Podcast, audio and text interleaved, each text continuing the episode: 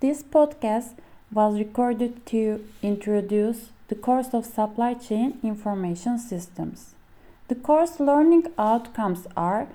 to describe basic concepts of SCIS, to list ERP gathering methods, to prepare and analyze measures of IT technology, to perform calculation of ERP costs, to describe concept of SCIS definition and to find out required methods of ERP,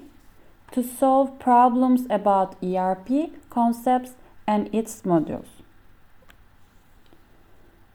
The topics of course flow are information systems in business, the components of information systems, information technology as a competitive advantage, information system functionality, comprehensive information system integration, assessing supply chain applications and communication systems, RF technologies, barcoding and scanning, enterprise resource planning, ERP system design,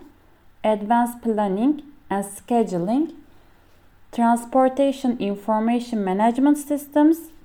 warehouse information management systems, GPS systems, and remote communication data exchange.